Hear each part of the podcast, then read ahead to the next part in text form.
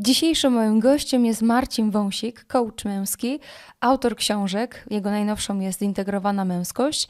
Pierwszy w Polsce licencjonowany No More Mr. Nice Guy Coach.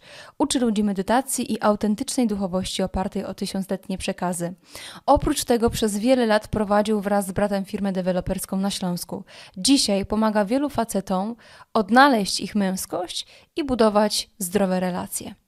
Rozmawiamy o relacjach damsko-męskich i męsko-męskich, o szczerych relacjach, a także co powinien każdy z mężczyzn zrobić, aby dbać o swój komfort psychiczny i dobre życie. Zapraszam. Cześć, witajcie w programie Opal w kamerze, a dzisiaj moim gościem jest Marcin Wąsik. Cześć Marcin. Cześć, witaj. Daleko nie miałeś. Nie.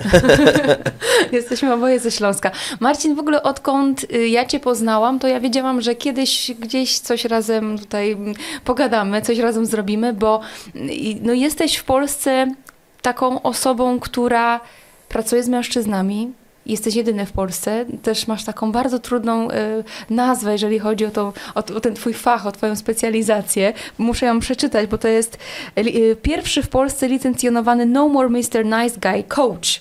Mhm. Y, I ja się w tym środowisku męskim obracam już lata.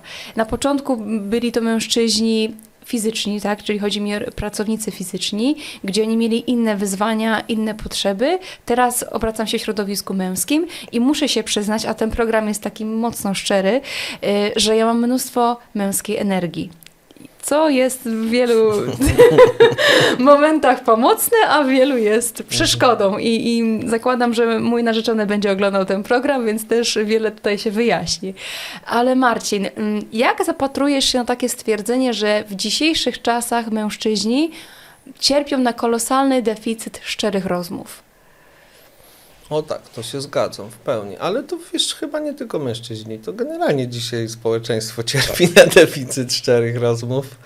Myślę, że większość naszych problemów życiowych wynika z tego, co mm, te, ja, ja, to nazywam taką szarą przestrzenią pomiędzy ludźmi, że, że ludzie po prostu nie, nie dopowiadają sobie rzeczy w przejrzysty sposób, tylko żeby nikogo nie urazić, żeby nie doprowadzić do jakiegoś napięcia, kłótni, pozostawiają wiele rzeczy takich niedoprecyzowanych, niedopowiedzianych.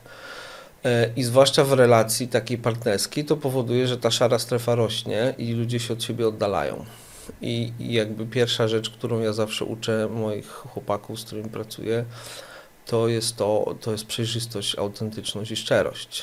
E, I mówienie prawdy cały czas. Po to, żeby rozładowywać tą szarą taką przestrzeń e, i powodować, żeby rzeczy robiły się autentyczne.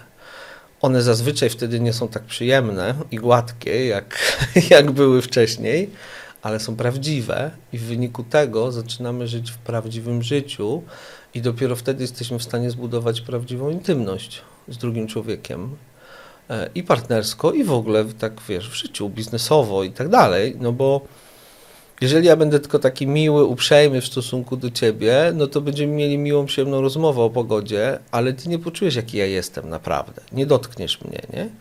A dopiero jak kogoś dotkniemy, poczujemy, zobaczymy, jaki on jest, jego kształt, jego granice, to możemy zdecydować, czy nam się podoba i my chcemy być z nim blisko, czy niekoniecznie i jakby nie będziemy zbliżać tego dystansu, ale masz przynajmniej jakiś konkret i możesz się co do niego odnieść.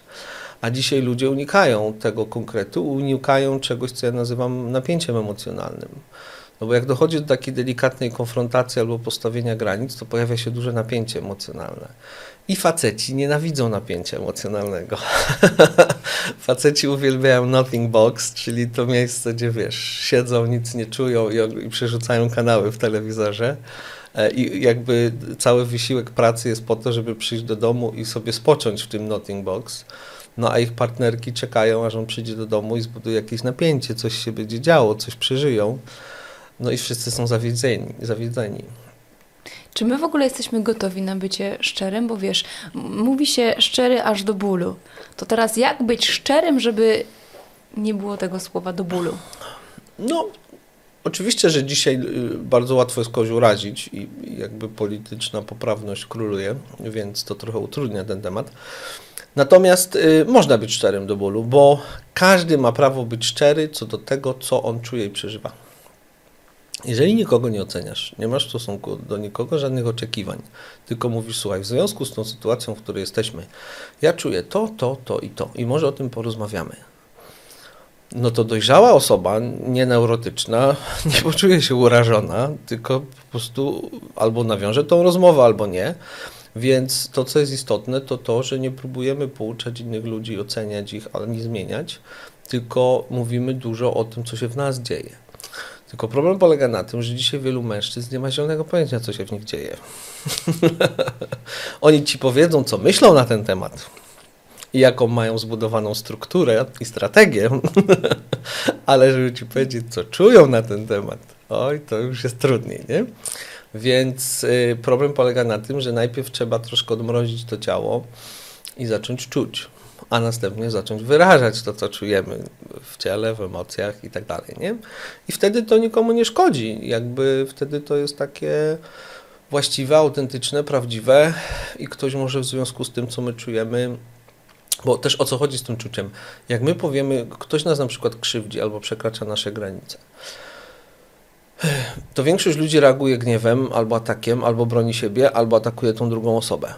Mm, ale wystarczy tej, tej osobie, z którą rozmawiamy, podnieść świadomość. Czyli ktoś nas krzywdzi w jakiś sposób. My najpierw musimy w sobie to poczuć w swoim ciele, w brzuchu, że to jest nieprzyjemna sytuacja. Ta osoba traktuje mnie niemiło, trochę niesprawiedliwie, nie? I możemy podnieść, y, podnieść poziom świadomości naszemu rozmówcy i powiedzieć: Słuchaj, auć, to zabolało. Nie wiem, czy wiesz, ale to, co powiedziałeś, sprawiło mi przykrość. Czy taki miałeś cel? I w większości przypadków 80% ludzi nie jest świadoma tego, że kogoś krzywdzi. I jak podniesiemy im świadomość na ten poziom, że trochę zobaczą się tak z lotu ptaka, co się wydarza w ogóle, to powiedzą, nie, nie, sorry, przepraszam cię bardzo, ja nie, nie to miałem na myśli, coś tam, coś tam, nie? A część osób powie, tak, właśnie specjalnie to mówię, bo, bo ty mi zrobiłeś to i tamto i tamto, nie? No ale wtedy to się już musimy zastanowić, czy my naprawdę chcemy być w relacji długotrwałej z kimś, komu pomimo tego, że podniesiemy świadomość i pokażemy, jaka się dzieje sytuacja, że on nas krzywdzi, on nadal to robi, nie? Jakimi narzędziami muszą dysponować mężczyźni? Bo sam powiedziałeś, że facet powie ci, co myśli na ten temat, ale nie powie ci właśnie, z czego to też wynika u niego. Y, to jakimi narzędziami właśnie powinni mm, dysponować faceci, aby wchodzić w zdrowe relacje? Wiesz, dzisiaj jest w ogóle tak, że y, ty jeździsz na szkolenia, jeżdżę na szkolenia, wszyscy jeżdżą na szkolenia i się kształcą.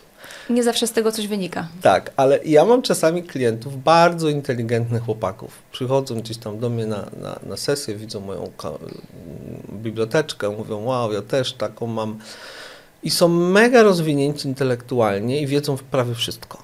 Nie? E, I często przechodzą u mnie ciężki moment, bo, bo to jest troszeczkę tak. Jeżeli w dzieciństwie wydarzały się rzeczy nieprzyjemne i one spowodowały, że myśmy musieli odciąć czucie, żeby nie zwariować jako dziecko, zamrozić się, no to nie mamy naturalnych narzędzi do funkcjonowania w świecie, bo, bo taki zdrowy człowiek e, po prostu czuje dużo rzeczy i reaguje spontanicznie, nie? A jeżeli tego nie masz, to trochę tak jakby być ślepym, to musisz sobie zbudować zastępczy system jakoś poruszania się po świecie. I dużo mężczyzn buduje to jako takie bardzo skomplikowane strategie intelektualne, struktury na wszystko. I w, tej, w tym przypadku to wiesz, otwieram tą stronę i muszę odhaczyć 1, 2, 3, 4 i wtedy będzie działać. I z żyć, wraz z doświadczeniem życiowym dopisuję jeszcze następne punkty, że uwaga na to, uwaga na to, uwaga na to. Nie? I, I niektórzy mężczyźni są bardzo inteligentni, mają bardzo rozbudowane te systemy i struktury ale to wszystko jest sztuczne, to jest intelektualne. I im masz więcej tych struktur, tym jesteś mniej spontanicznym człowiekiem w życiu i podjęcie każdej decyzji zajmuje dużo czasu i energii, bo trzeba obsłużyć te wszystkie struktury, zanim końcowy wynik w końcu wyskoczy. Nie? I ja mówię chłopakom, prawdziwy rozwój osobisty i prawdziwy rozwój duchowy polega na tym, że ty musisz rozmontować te struktury, wrócić do siebie, zacząć czuć siebie, czuć swoje emocje, czuć swoje ciało i zacząć spontanicznie reagować na to, co się wydarza, bez utrzymywania koncepcji stałej na ten temat. Nie?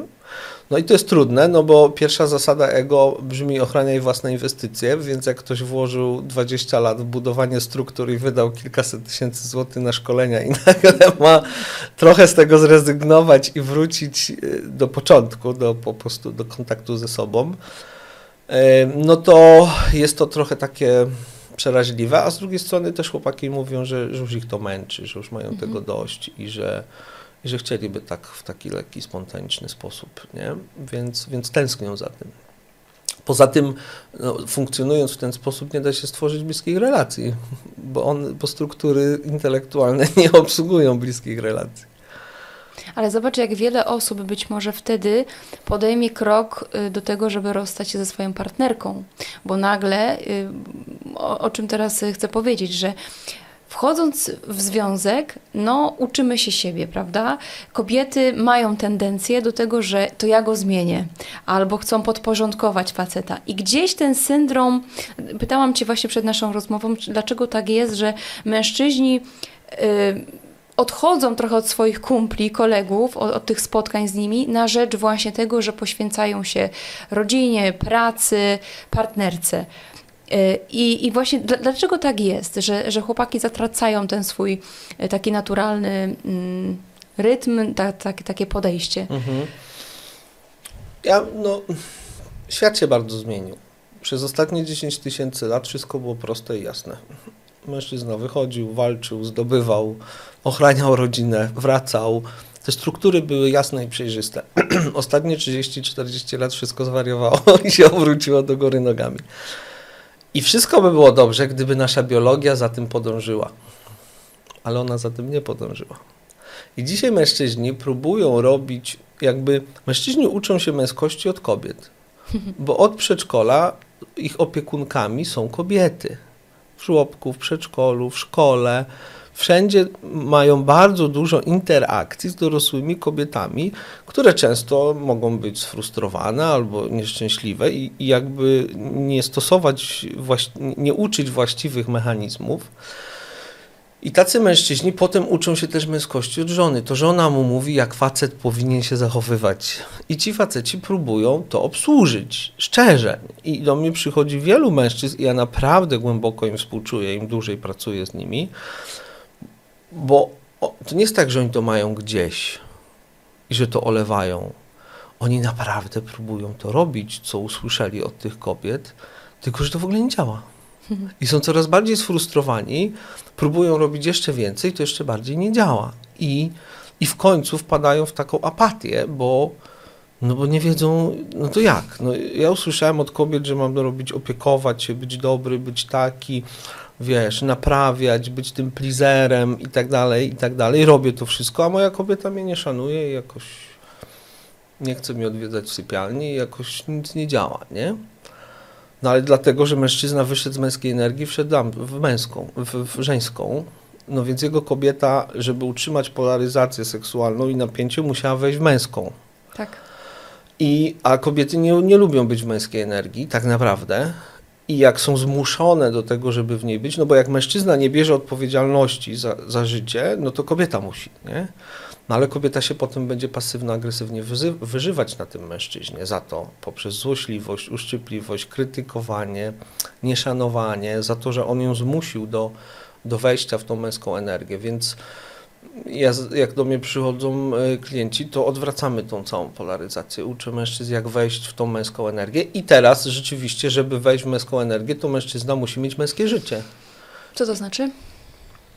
Ja opisuję pięć aspektów męskiego życia, które są konieczne do tego, żeby mieć spełnione męskie życie. I to jest przede wszystkim spędzanie dużo czasu z mężczyznami. w różnych aktywnościach, bo zawsze tak było. Mężczyźni zawsze spędzali masę czasu z innymi mężczyznami, robiąc różne rzeczy, wymieniając się testosteronem, na, napełniając się tą męskością, a potem wracali do domu napełnieni tym i dawali to swojej kobiecie. I ona wtedy mogła być w żeńskiej energii i z radością to przyjmować. Wszystko działało.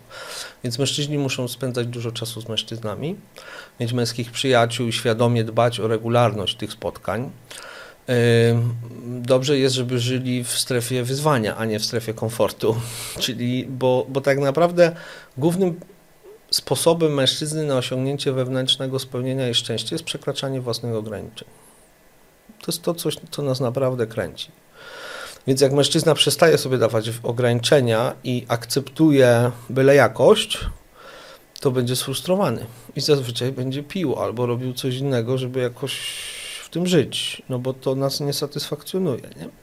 Życie z pasją, czyli próba usunięcia z naszego życia robienia rzeczy, których nie lubimy, a, a tworzenie tego życia tak, abyśmy robili to, co, co nam sprawia frajdę zawodowo i tak dalej, żeby się nie zmuszać do poświęcania się na rzecz czegoś, y, ale nie chodzi mi o jakieś rzucenie pracy i tam siedzenie sobie na łące. Nawet jeżeli do mnie przychodzą klienci i mają taki problem, to zakładamy jakiś plan dwu, trzyletni tranzytu, gdzie oni powoli będą wychodzić z tych aktywności, których, które im nie sprawiają frajdy, które są nieprzyjemnym obowiązkiem i przechodzić w coś, co, co bardziej lubią robić. Nie?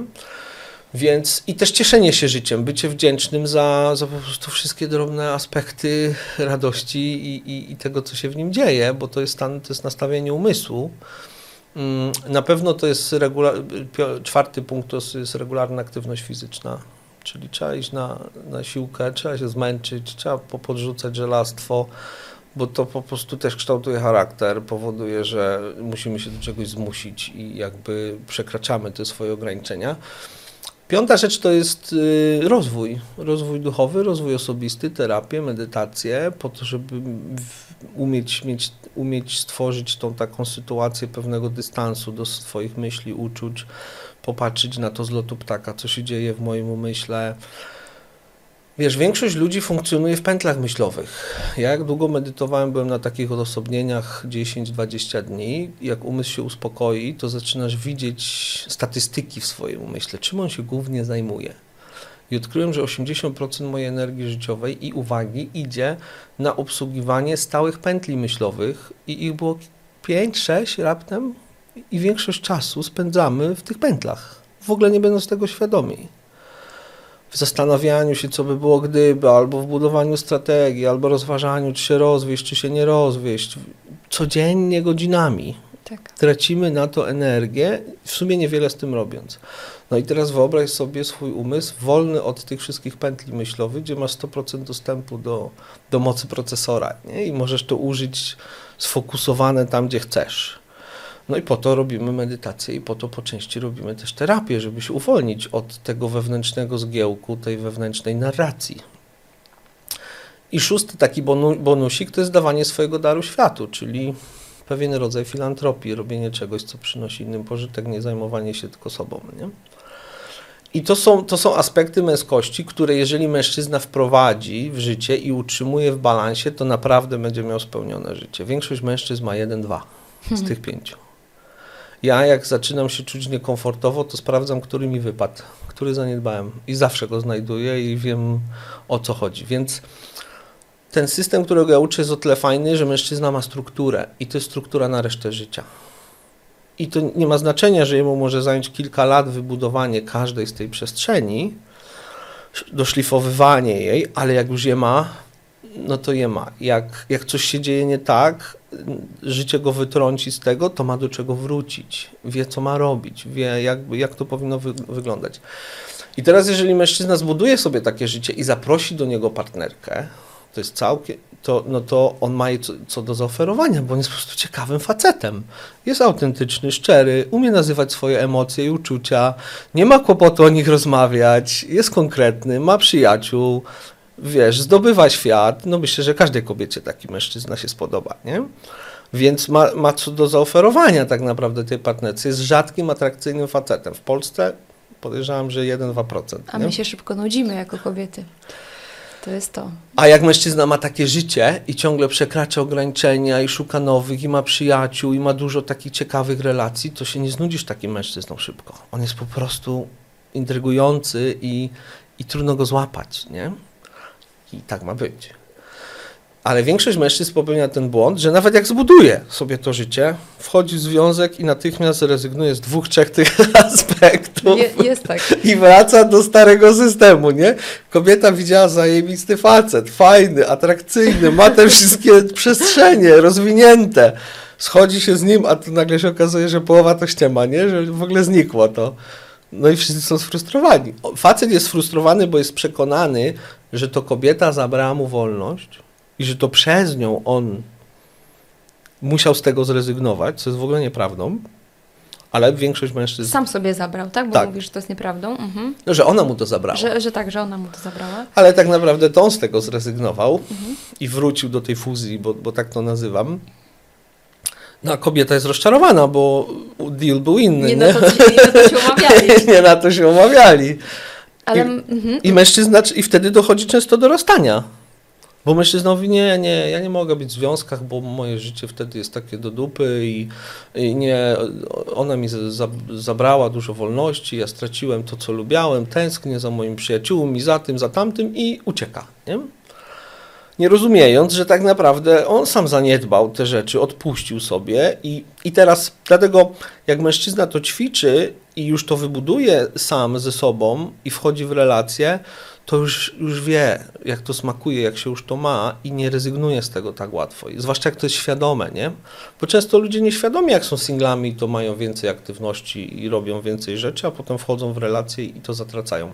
Ale jak to już jest nasza świadoma, intelektualna wiedza, że tak to działa, mam to utrzymywać, nieważne jaką super spotkał dziewczynę, nadal chodzę na siłkę, nadal się spotykam z kumplami, nadal robię te wszystkie rzeczy, to wszystko będzie działać. To od razu tutaj muszę dopytać, bo być może ktoś z nas, kto nas ogląda, no to dobra, to jak ja mam jej to przetłumaczyć, że ja bym chciał zachować ten, ten heksagon, za, załóżmy, tych Bardzo aktywności.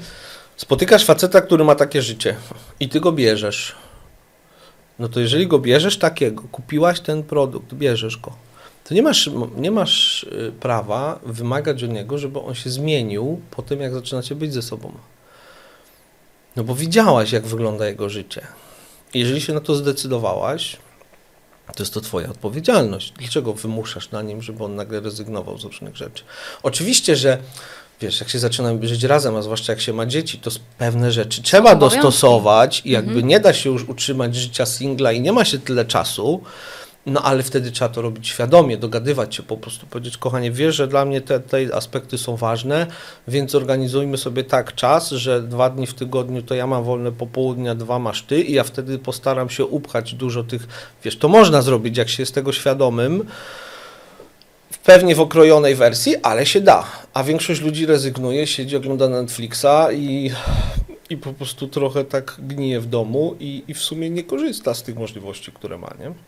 Wiesz co, ja też y, zauważyłam, że mm, mnóstwo związków się rozpada y, i właściwie to do mnie przychodzili faceci, że oni się szybciej rozwijają niż jego partnerka. Czyli tak jak mówiłeś, że my jeździmy na szkolenia i wiesz, i oni wchodzą w różne środowiska, fajne tematy ich y, gdzieś tam dotykają, spotykają, a przychodzą do domu, no i jest ta szara rzeczywistość i nagle jest coraz większa ta dziura pomiędzy nimi i faceci na siłę czasami mówią, słuchaj, a może byś coś poleciła mojej żonie, bo żeby ona tak szybciej do mnie doskoczyła, mówiąc tak y, kolokwialnie. Czy ten rozwój, czy to, czy to dbanie o siebie, Twoim zdaniem, musi być dwutorowe, czyli musi zachodzić równolegle. Tak samo kobieta musi mieć tyle samo czasu dla siebie, dla koleżanek, dla swoich pasji, jak również facet. No wiesz, powiem coś, co pewnie Ci się nie spodoba, Wiesz, tutaj będziemy dyskutować. ale tak klasycznie rzecz biorąc, biorąc pod uwagę psychologię i tak dalej, to jednak rdzeniem życia mężczyzny jest jego szeroko pojęty sukces życiowy. Nie chodzi mi tylko o sukces zawodowy. w ogóle. Mhm. Przekraczanie ograniczeń, budowanie to. A jednak rdzeniem życia kobiety w takiej żeńskiej energii jest jej relacja i jej rodzina. Więc dzisiaj problem polega na tym, że dużo kobiet jest w męskiej energii i oczekuje, że będzie robić to samo co facet. No i pff, mogą to robić, tylko z tego są konsekwencje, nie? Bo nie ma polaryzacji Mhm. nie ma napięcia seksualnego, nie, nie ma, no, no wiesz, jeżeli facet ma przychodzić do domu i rywalizować ze swoją żoną, jak z innymi mężczyznami, no to dla faceta to jest mało atrakcyjne, bo jeżeli mężczyzna jest w męskiej energii, on cały dzień idzie i walczy ze smokami, to chce wrócić do domu, w którym będzie ciepło, troska, w którym będzie przyjemna atmosfera, nie? Żeby odpocząć trochę. No a jak wraca do domu, a tam jest następny smok, z którym musi walczyć, to potem jest taka sytuacja, że nagle pojawia się jego sekretarka, która nie jest tak inteligentna jak jego żona, nie ma takiej klasy jak jego żona, nie jest tak ogarnięta jak jego żona, ale jest ciepła, miła, wpatrzona w niego jak w obrazek. I nagle okazuje się, że on odchodzi do tej sekretarki, bo w sumie tego mu brakowało najbardziej i jest w stanie zaakceptować o wiele niższe standardy na rzecz tego, że dostaje coś, co jest dla niego bardzo istotne na poziomie tej męskiej, żeńskiej energii. Także no, to jest dzisiaj właśnie, tak się to wszystko pomieszało, nie? Ja spotykam wiele takich rozmów, mam z kobietami, że one mówią, no bo ja jestem panią prezes i tu ogarniam wszystko. Ja bym chciała znaleźć takiego silnego faceta, który by mnie przebił i który by po prostu mnie ogarnął i przy którym ja bym rzuciła tą zbroję i się otworzyła, nie? Ale są tacy mężczyźni. Wierz mi, ja mam mnóstwo koleżanek, które piastują wysokie stanowiska. Yy, i naprawdę znalazły po wielu próbach, naprawdę, y, znalazły takiego faceta, który nagle potrafi je poskromić i przy których mogą zdjąć te zbroje. Więc wiesz, jakby też, żeby mm, nie wybrzmiało to jednoznacznie, że my teraz kobiety powinnyśmy właśnie cały czas być w tej żeńskiej energii i tylko patrzeć w was jak w obrazek i tak dalej, bo to właśnie dlatego chcę to doprecyzować. Natomiast chodzi o to, żebyśmy my znalazły faceta, przy którym możemy tą zbroję w tym domu ściągnąć, ale na co dzień mamy kontakt z facetami właśnie na poziomie zawodowym. I jak sobie tutaj radzić? Jak faceci sobie radzą? Bo ja widzę y, u wielu, wielu osób, też z mojego doświadczenia, jak ja byłam w męskim zawodzie, no bo będąc górnikiem, no to musiałam tą zbroję przywdziewać, jak wielu facetów miało z tym problem że ja mam taką samą specjalizację jak on, że znam się na rzeczy, że znam się na mechanice i tak dalej. Jak faceci ja myślę, sobie radzą? że to zależy, co, co się dzieje, jak wracasz do domu, bo, bo to są takie trudne rzeczy. Popatrz, mężczyzna jest cały dzień w męskiej energii, walczy ze wszystkimi, musi być taki trochę nieczuły, trochę taki szorstki, nie? I wraca do domu. I powinien się umieć przełączyć. No bo to, co mężczyzna przede wszystkim musi dać kobiecie, to jest poczucie bezpieczeństwa i akceptacja emocji. I musi umieć przestać oceniać, rozwiązywać od razu problemy, tylko wysłuchać kobietę, dać jej akceptującą przestrzeń na to wszystko, co ona mówi, chociaż tego nie rozumie w ogóle, ale żeby z tym nie, nie dyskutował. Czyli, czy mam ci pomóc, czy mam cię wysłuchać? Tak, nie konfrontował tego, dokładnie, nie? Jakby i dla nas to jest nienaturalne, ale jeżeli zależy nam na partnerce, to możemy się przestawić. I teraz, jeżeli kobieta jest panią prezes w pracy i wróci do domu i umie wejść w kobiecość, umie wyjść z tego nawyku i przełączyć się, to rzeczy będą działać. Ale jeżeli nie umie, jeżeli ten nawyk jest tak silny, bo wiesz, z tym zdjęciem zbroi to nie jest takie proste, bo myśmy zbroję założyli nie bez powodu. Ona jest tam po to, żeby ktoś nas nie skrzywdził. I jak ktoś już ją nosi wiele lat, i czuje się bezpieczny, bo ona jest cała w kolcach i nikt nie podejdzie, to jak powiesz komuś, słuchaj, to ja się tą zaopiekuję, zdaj mi tą zbroję, to to się tak nie wydarzy z dnia na dzień, bo nie, nie zaufasz na tyle, bo to jest zbyt przerażające, mhm. nie? Więc rzeczywiście musi być partner, który pokazuje, że, że jest w stanie się zaopiekować tą kobietą, ale to ona musi zdjąć tą zbroję. I to jest bardzo istotny element. Nie, że to mężczyzna ma ją z niej zdjąć, bo to jest niemożliwe. A kobiety często tego oczekują, że niech on to przełamie i niech jakoś tak zrobi, żebym ja mu się oddała. Czyli co on ma zrobić? to jest niewykonalne. To kobieta musi mieć tą świadomość i powiedzieć, mam wystarczająco fajnego, dojrzałego faceta, że mogę przy nim ją zdjąć i, i wpuścić go i obdarzyć go całą swoją kobiecością, nie? I my nie wykonamy tej pracy. My możemy tylko stworzyć warunki pod to. Dać stabilizację, bezpieczeństwo, akceptację, ale to już jest praca kobiet. I pytanie, czy kobiety chcą wykonać tą pracę, czy nie. Bo powiem Ci tak ze statystyk, jak ja się uczyłem w Stanach męskości, bo, bo mamy taki program że mężczyźni, mężczyzna powinien wejść na całość w relację. Nie? Jak do mnie przychodzi klient zaczyna mi narzekać, jaką ma wredną żonę, to ja mówię, słuchaj chłopie, mnie to w ogóle nie interesuje. Powiedz mi, czy ty jesteś z nią na 100%, czy ty wszedłeś w tą relację na 100%, czy całą swoją energię seksualną skupiasz na niej, czy po prostu nie masz żadnych wątpliwości, czy nie jest tak, że jedną nogą tu, drugą tam. No i zazwyczaj się okazuje, że oczywiście tak nie jest. Nie? Więc ja mówię mu, ja nie jestem w stanie określić, czy ty masz fajną żonę, czy nie. Bo jeżeli jesteś takim mężczyzną, jaki jesteś, to ona reaguje na to, że ty nie jesteś na 100% lękiem i możesz się zachowywać w bardzo trudny sposób. I dopiero jak ty się zmienisz i wejdziesz na stówę i się przetransformujesz, to zobaczymy, jak twoja kobieta zareaguje. Czy, czy sama się rozluźni, otworzy i będzie nowy honeymoon, bo tak zazwyczaj jest, mhm. czy się okaże, że ona taka po prostu jest i nic się nie zmieniło. I ciekawe jest to, że na przykład w Stanach statystyki są 50 na 50 mój mistrz, który mnie uczył, mówił, że dopóki pracował z mężczyznami i wytykał im ich wady, to ich partnerka była w niebo wzięta, ale jak ten okres już mijał i trzeba było się nią zająć, to po dwóch sesjach mówiła, że nie, nie, to są jakieś bzdury, ona nie będzie tego robić, nie? Mhm. W Polsce z mojego doświadczenia jest o wiele lepiej i te statystyki bym powiedział, że jest tak 80 na 20, nie? Że dużo mamy, naprawdę dużo fajnych, ciepłych kobiet, które czekają z cierpliwością, aż ci ich mężowie się ogarną w końcu i jak oni to zrobią, to na to fajnie reagują. Pytanie, czy to jest do końca dobre, bo e, nie wiem, czy słyszałeś, ale jest teraz taki trend, nawet są różnego rodzaju szkolenia. E, znajdź swojego sugar daddy. O. Wiesz?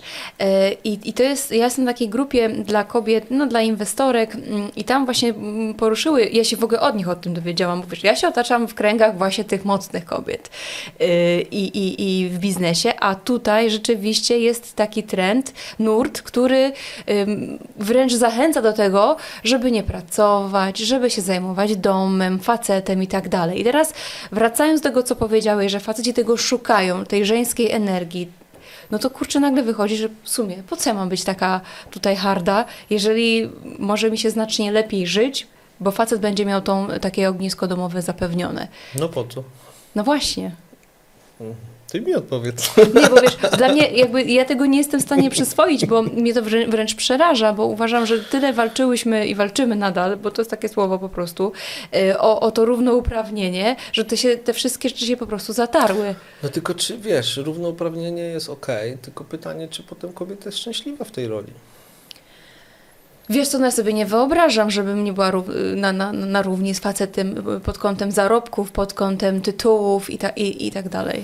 No a, a z mojego doświadczenia jest tak, że, że właśnie mężczyzna powinien prowadzić, a to kobieta powinna za nim podążać. Tylko nie w taki sposób patriarchalny, że, że, że jakby mężczyzna mówi co ma robić, to, to nie o to chodzi, tylko mężczyzna daje to poczucie bezpieczeństwa i mówi słuchaj, idziemy tam, za 5 lat chcę, żebyśmy byli tu, za 10 tu, za 15 tu, ma jasny, przejrzysty plan na życie, ogarnia to i jego kobieta idzie z nim tam razem, wspiera go w tej ścieżce.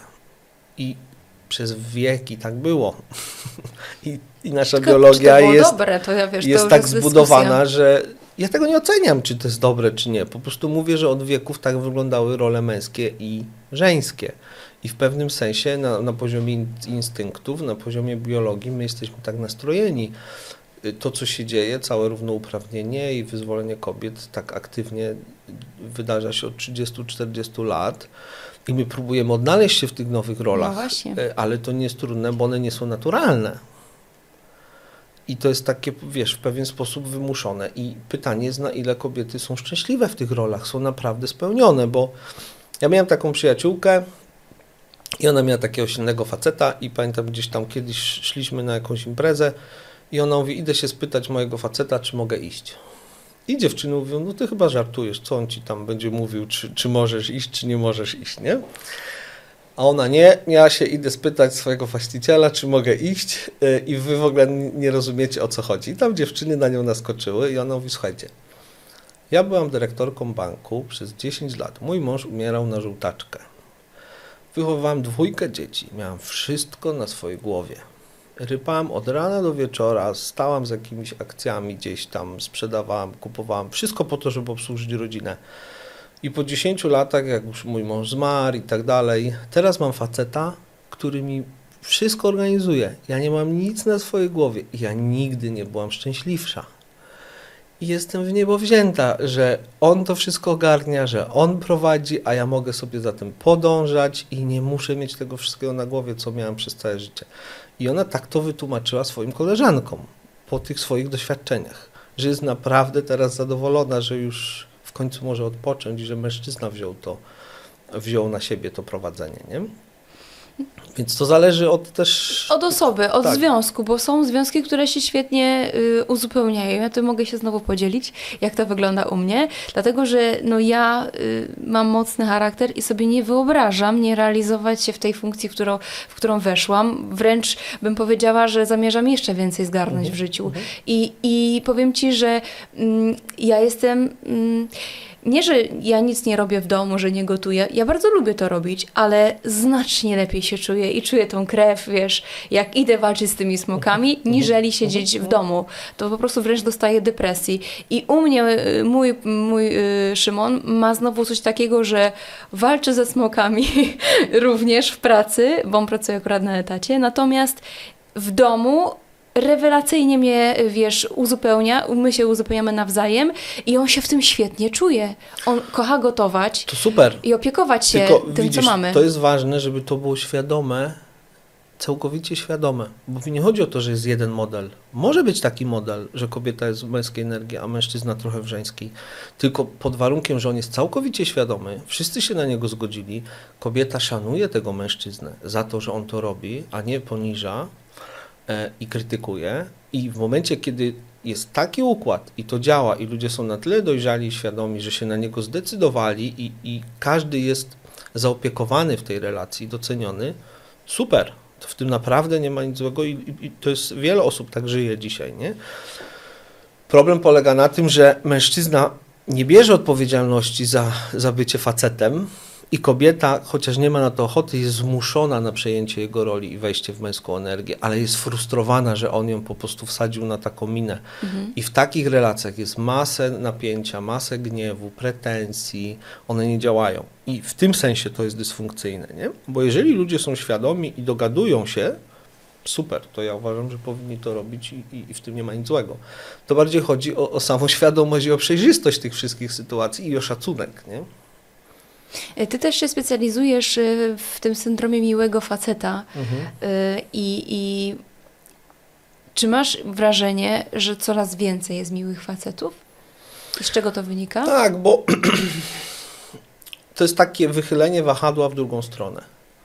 Wiesz, nasi ojcowie czy dziadkowie to byli tak zwani kontrolerzy, czyli tacy silni faceci, którzy też nie radzili sobie z życiem, ale przykrywali to, ten lęk, kontrolą, gniewem, tym, że nigdy się nie przyznali do błędu, wiesz, zawsze się wymądrzali, zawsze byli najmądrzejsi, nie przyjmowali żadnej krytyki, tacy po prostu, że kontrolowali wszystko, no jak trochę za czasów komuny, gdzieś tam to starsze pokolenie.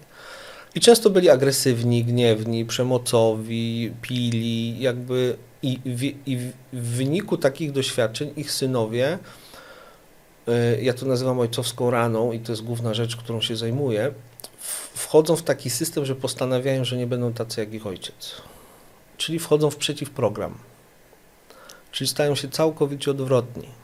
Mili, naprawiający, mm, pomagający, nie wyrażający gniewu w ogóle i nie mający kontaktu z gniewem, ale gniew jest połączony z mocą, z powerem, więc też nie mający poweru. Ci mężczyźni często gardzą swoimi ojcami za to, jacy oni byli e, i to powoduje, że nie mogą nigdy stać się mężczyznami, bo nie, bo nie przynależą do całej męskiej linii rodu, nie przynależą do, do tej męskiej watachy, bo gardzą tą męskością, bo ona jest dla nich zbyt szorstka i zbyt taka nieprzyjemna.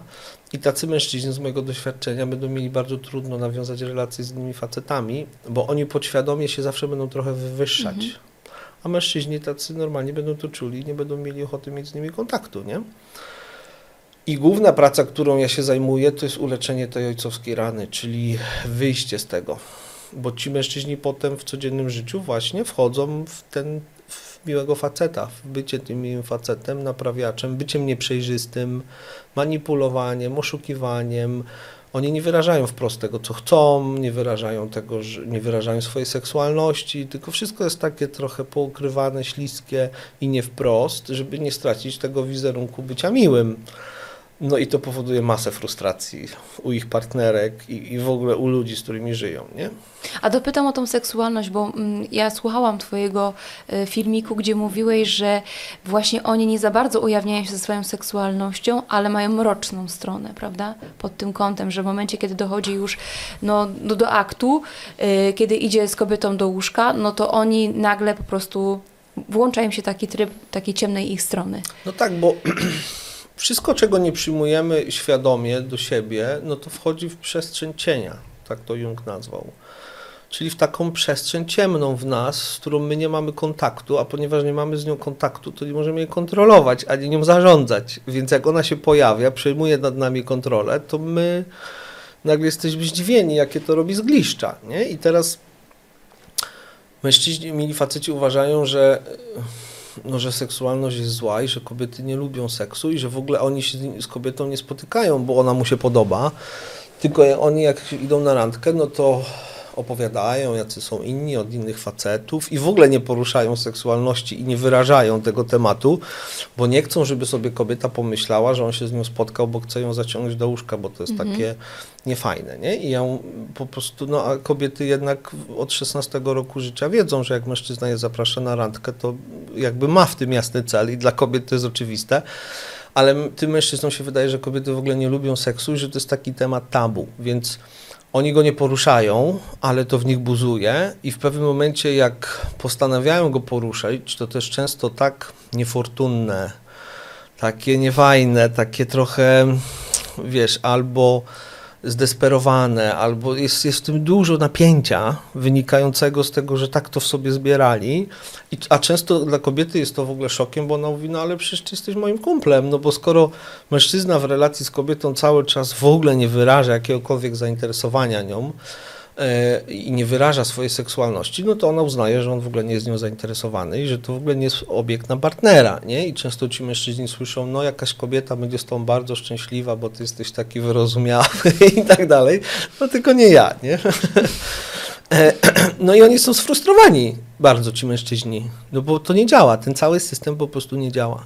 I, I ja znowu uczę pewnego rodzaju zuchwałości, pewnego rodzaju wyrażania, w zdrowy, radosny, rozluźniony sposób tego, że, że okej, okay, siedzimy, ale ja jednak jestem tą zainteresowany i jednak chciałbym Cię zobaczyć nago któregoś dnia i jakby powoli to idzie w tym kierunku i tego nie ukrywam, nie? No bo wtedy kobieta może powiedzieć, okej, okay, ale ja nie jestem tym zainteresowana, daj mi sobie mhm. spokój, albo wiesz, masz przejrzystą sytuację, nie? Nie ma tej, tej, tej całej gry. Więc mili faceci tworzą dużo takich manipulacyjnych gry, gier, które po prostu nie funkcjonują i są potem sfrustrowani ale żeby nie wyrazić tego, że są sfrustrowani wprost, no bo przestaliby być mili, no to wyrażają to w pasywno-agresywny sposób, znowu taki pogmatwany, trudny i no i są jeszcze bardziej sfrustrowani. Jak już mają dość, dlatego jest tak, że często jak ktoś ma poważnie ten syndrom, przeczyta moją książkę, to od razu kupuje u mnie sześć sesji, bo mówi, no chłopie, to o mnie wszystko, nie? Opisałeś wszystkie moje frustracje i wygląda na to, że wiesz, jak z tego wyjść, no więc chcę pracować, nie? No dzisiaj właśnie prowadzisz y, grupy ośmioosobowe dla, dla mhm. mężczyzn, organizujesz różnego rodzaju wyjazdy medytacyjne. Jak Marcin wyglądała Twoja ścieżka do męskości, którą masz dzisiaj? Tak, no ciekawie i długo. ja miałem tak, że no najpierw jak każdy postanowiłem, że przecież jak zarobię pieniądze, no to, to już wszystkie moje problemy się rozwiążą i będę szczęśliwy.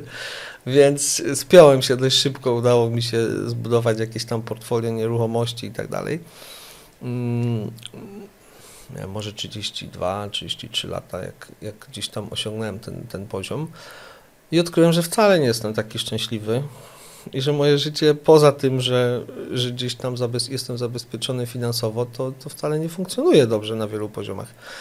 E, wcześniej się zajmowałem medytacją, więc wtedy wszedłem bardzo intensywnie w, w, rozwój duchowy i w uczenie się medytacji. Przez 10 lat podróżowałem po całym świecie na różne kursy, odosobnienia medytacyjne.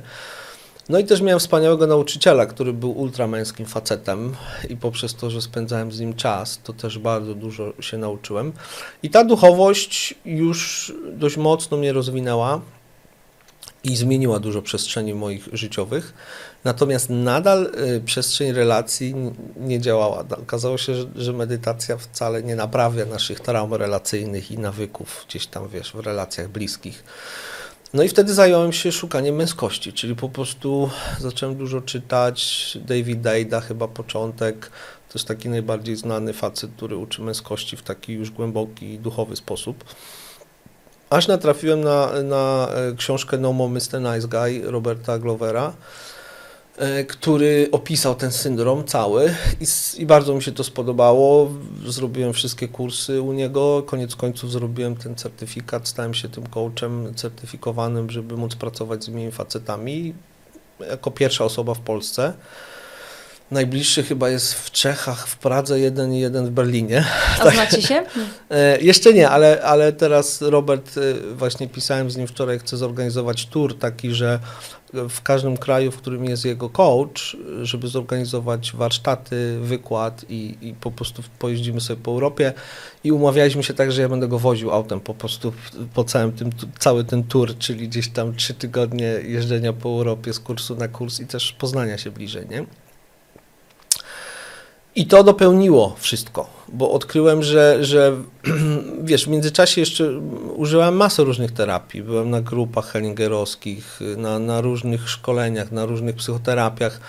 E, ja jestem trenerem TRE, czyli Trauma Release Exercises. Jestem trenerem radykalnego wybaczania. Po prostu jak tylko trafiała mi się jakaś metoda do pracy z, z tym, to natychmiast zrobiłem kurs, stanąłem, stawałem się trenerem i patrzyłem, co działa, co nie działa, co mogę użyć, co, co uważam, że jest skuteczne, co może trochę mniej.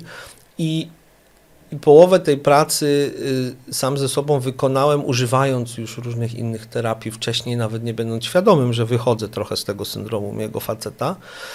No a już zdobycie tej wiedzy tak konkretnie do, spowodowało, że to doszlifowuje i, i to jest oczywiście praca na resztę życia. To nie jest tak, że to załatwimy i, i już jest koniec, bo budowanie tych męskich y, przestrzeni jednak będzie nam, będzie towarzyszyć nam przez resztę życia i szlifowanie tej swojej takiej trochę zuchwałości i, i, i otwartości, przejrzystości, to na pewno będę to robił do końca życia, ale przynajmniej już mam bardzo jasną strukturę, jak to ma wyglądać i, i mogę sobie nią podążać. I teraz czuję się już taki kompletny. Mhm. Czyli po prostu i są pieniądze, jest to satysfakcja z tego zabijania smoków i zdobywania się jako, realizowania się jako facet. Jest głębia duchowości, czyli to, że już nie do końca identyfikuję się ze swoimi myślami, emocjami i mam dystans, to ja decyduję, jak chcę zareagować na to, co przynosi świat. Czy wziąć to osobiście, czy obrócić to w żart, mhm. czy zrobić tym cokolwiek innego. Nie? I to jest niby taka prosta rzecz, ale magicznie zmienia życie, bo ty już nie potrzebujesz wszystkich struktur, żeby się zabezpieczyć przed światem, bo to ty decydujesz, jak go przeżywasz, bez względu na to, co się wydarzy. To jest olbrzymia wewnętrzna wolność no a trzecia rzecz to są e, traumy relacyjne, bo, bo to jest tak, jeżeli myśmy mieli dysfunkcyjną relację na przykład z mamą, no to będziemy ją powielać w każdej naszej relacji z kobietą nieświadomie. I albo będziemy sobie wybierać partnerkę, która przypomina mamę, albo nawet jeżeli tak nie jest, to tak ją przekształcimy, żeby wejść w te same systemy bo tam się czujemy dobrze i jest, jesteśmy w domu. Wiemy, jak się tam poruszać. Pomimo tego, że to jest dysfunkcyjne, i tak podświadomie będziemy dążyć do tych samych układów, bo wiemy po prostu, jak się po nich poruszać. I teraz z tego się nie da wyjść samemu. Musisz mieć kogoś, kto ci pokaże te wszystkie dysfunkcyjne rzeczy, a następnie pokaże ci, jak to wygląda w zdrowy sposób. Mhm. I pomoże ci w tym etapie pierwszych 3-4 miesięcy transformacji gdzie przechodzisz z jednych nawykowych zachowań, które wiesz, że są dysfunkcyjne i nie działają, i powoli wprowadzasz, inicjujesz te nowe, implementujesz swoje życie. I początkowo wyjdzie ci raz na 10 razy ten nowy system, ale z czasem y, osiągasz masę krytyczną i to staje się twoim nowym nawykiem relacyjnym i wiesz, bo jest też coś takiego, jest też coś takiego, że mężczyźni odkryli, ja też to odkryłem, że nawet jak już to masz, jak się jest bardzo przemęczonym, ma się dużo stresu, jest się bardzo przemęczonym, to z automatu nasz mózg wybierze ten stary układ. Więc też dbamy z mężczyznami o to, żeby dbać o swoją higienę codzienną, żeby nie doprowadzać do wyczerpania, bo wtedy w ogóle nie ma, jest jakby automat się odpala. Że mężczyźni się nie przepracowują, wysypiają, mają przestrzeń. Jak tylko widzą, że zaczynają zachowywać się starymi nawykowymi, negatywnymi y, nawykami, tymi, to, to muszą zrobić coś, żeby wypocząć mhm. żeby odbudować ten nadmiar i wtedy już jest im o wiele łatwiej używać tych nowych. Więc, a dzisiaj dużo chłopaków się zajeżdża i w tych krytycznych sytuacjach robią y, takie rzeczy, które potem są ciężkie do, do odkręcenia i to jest wynik tylko zaniedbania tej higieny codziennej. Nie? Więc to jest taki bardzo rozbudowany system tak naprawdę. To nie jest nic prostego, ale on działa. Ile czasu mniej więcej zajmuje Ci praca z taką jedną osobą? No, zazwyczaj praca mi zajmuje 2-3 miesiące, żeby ktoś zobaczył to wszystko i żeby mu był w stanie dać nowy system. I potem już to, i to jest na, na sesji osobistej, najpierw robimy tą sesję ojcowskiej rany, ona trwa 3 godziny, jest na żywo, gdzie, gdzie jakby zmieniamy perspektywę postrzegania ojca i tego, co się działo w naszym dzieciństwie. A potem już często mężczyźni dołączają do grupy, bo ta grupa e, trwa trzy miesiące i to jest ośmiu mężczyzn, którzy w sumie zajmują się opowiadaniem sobie nawzajem, jak, jak im idzie wprowadzanie tego nowego systemu i jakie napoty, napotykają problemy. I na, nawzajem się wspierają, ja też ich wspieram. Poza tym to jest bardzo fajne, no bo na każdej męskiej grupie oni biorą udział w terapii siedmiu innych kumpli i zawsze coś w nich zarezonuje często odkryją, że wow, to ja nawet nie wiedziałem, że mam taki problem, jak tu kolega ma, a okazuje się, że mnie to też dotyczy.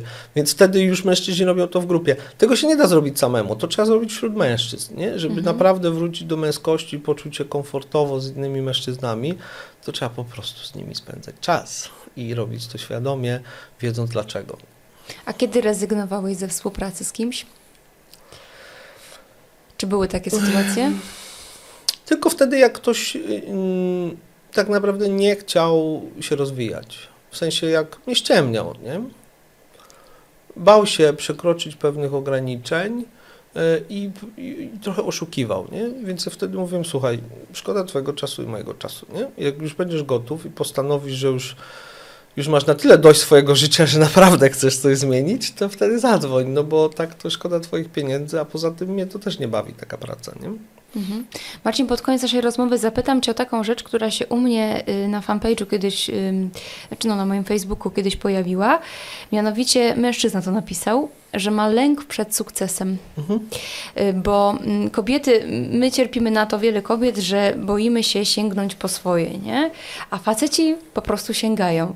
I w momencie, kiedy już czują, tak jak ty opowiadałeś też w którymś z filmików, że już faceci widzą pierwsze efekty, to nagle się wycofują, bo się boją tego, że im wychodzi. Mhm. I tak samo jest właśnie z sukcesem, że ktoś mm, tak dużo pracy wkłada w to, co robi, mm, jakiejś tam mm, właśnie energii i nagle zaczyna, mówiąc kolokwialnie, żreć i oni się wycofują, robią krok wstecz. Jest tak, bo, bo nie jest załatwiona wewnętrzna praca jest załatwiony dużo na zewnętrznym poziomie, mam pomysł na biznes, jak go zrobić, ale lęk przed sukcesem po pierwsze wynika z tego, że, no, że boisz się, że to życie się będzie musiało za bardzo zmienić.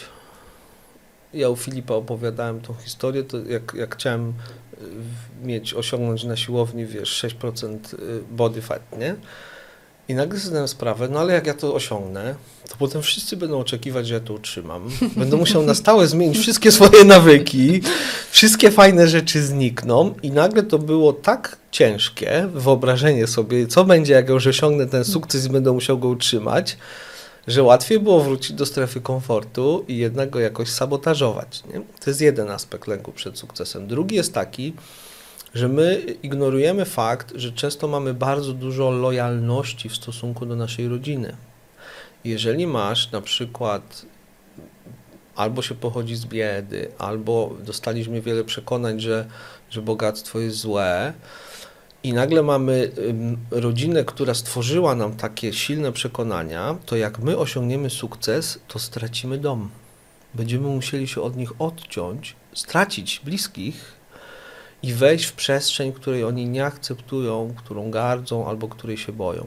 I często nasze, nasza lojalność, bliskości z rodziną jest tak silna, że pomimo tego, że mamy wszystkie właściwości, ciężką pracę do osiągnięcia sukcesu, w kluczowym momencie, wiesz, wpiszemy złą datę, pomylimy zero, zrobimy coś, co nas sabotażuje, bo na głębokim poziomie nie wykonaliśmy pracy i nie zgodziliśmy się na odcięcie się od rodziny.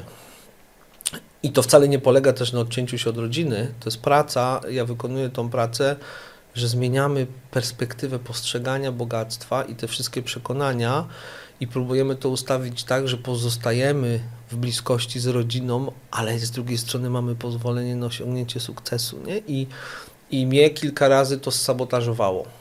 Tak. Raz e, rozwaliłem akt notarialny dzień przed aktem, zacząłem wymyślać, doszukiwać się różnych rzeczy i na szczęście zorientowałem się, że tu coś dziwnie się zachowuje. Zadzwoniłem do mojej znajomej, dobrej terapeutki, przekopaliśmy to i dokładnie okazało się, że, że musiałbym stracić bliską relację z ojcem, bo wiedziałem, że od tego momentu już będę wolny, już się będę mógł zająć innymi rzeczami i nie byłem na to gotów. I dopiero jak sobie to przepracowaliśmy, to zadzwoniłem do tych ludzi, przeprosiłem ich i jak się wydarzył.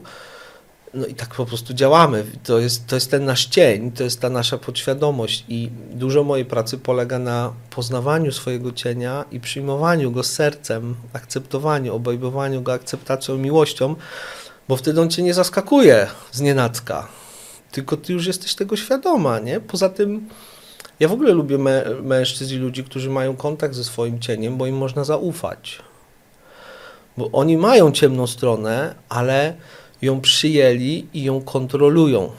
A jak spotykam kogoś, kto jest tylko dobry i dobry i widzę, że w ogóle nie ma kontaktu ze swoim cieniem, to z mojej perspektywy takiej osobie jest trudno zaufać, zwłaszcza w interesach, bo jak ona straci kontrolę i odpali się cień, to ona może zrobić wszystko. Mhm. I w ogóle nie będzie tego świadoma i nie, w ogóle nie będzie miała na tym kontroli, no więc jak można jej zaufać? A poza tym ludzie, którzy mają przyjęty swój cień, są po prostu ciekawsi, bardziej ekscytujący bo są bardziej ludzcy, nie? A jak zobaczyć ten cień? Skąd wiesz, że ta osoba poznała swój cień? To się wyraża poprzez bardzo duże rozluźnienie, że ktoś nie ma problemu, żeby pokazać swoje słabości, mhm. swoje wady, swoje niedociągnięcia. Wiesz, znasz na pewno takich ludzi, że jak tylko lekko zaatakujesz ich wizerunek, to oni natychmiast zaatakują lekko twój, żeby wyrównać mm. szanse. Win -win. Tak.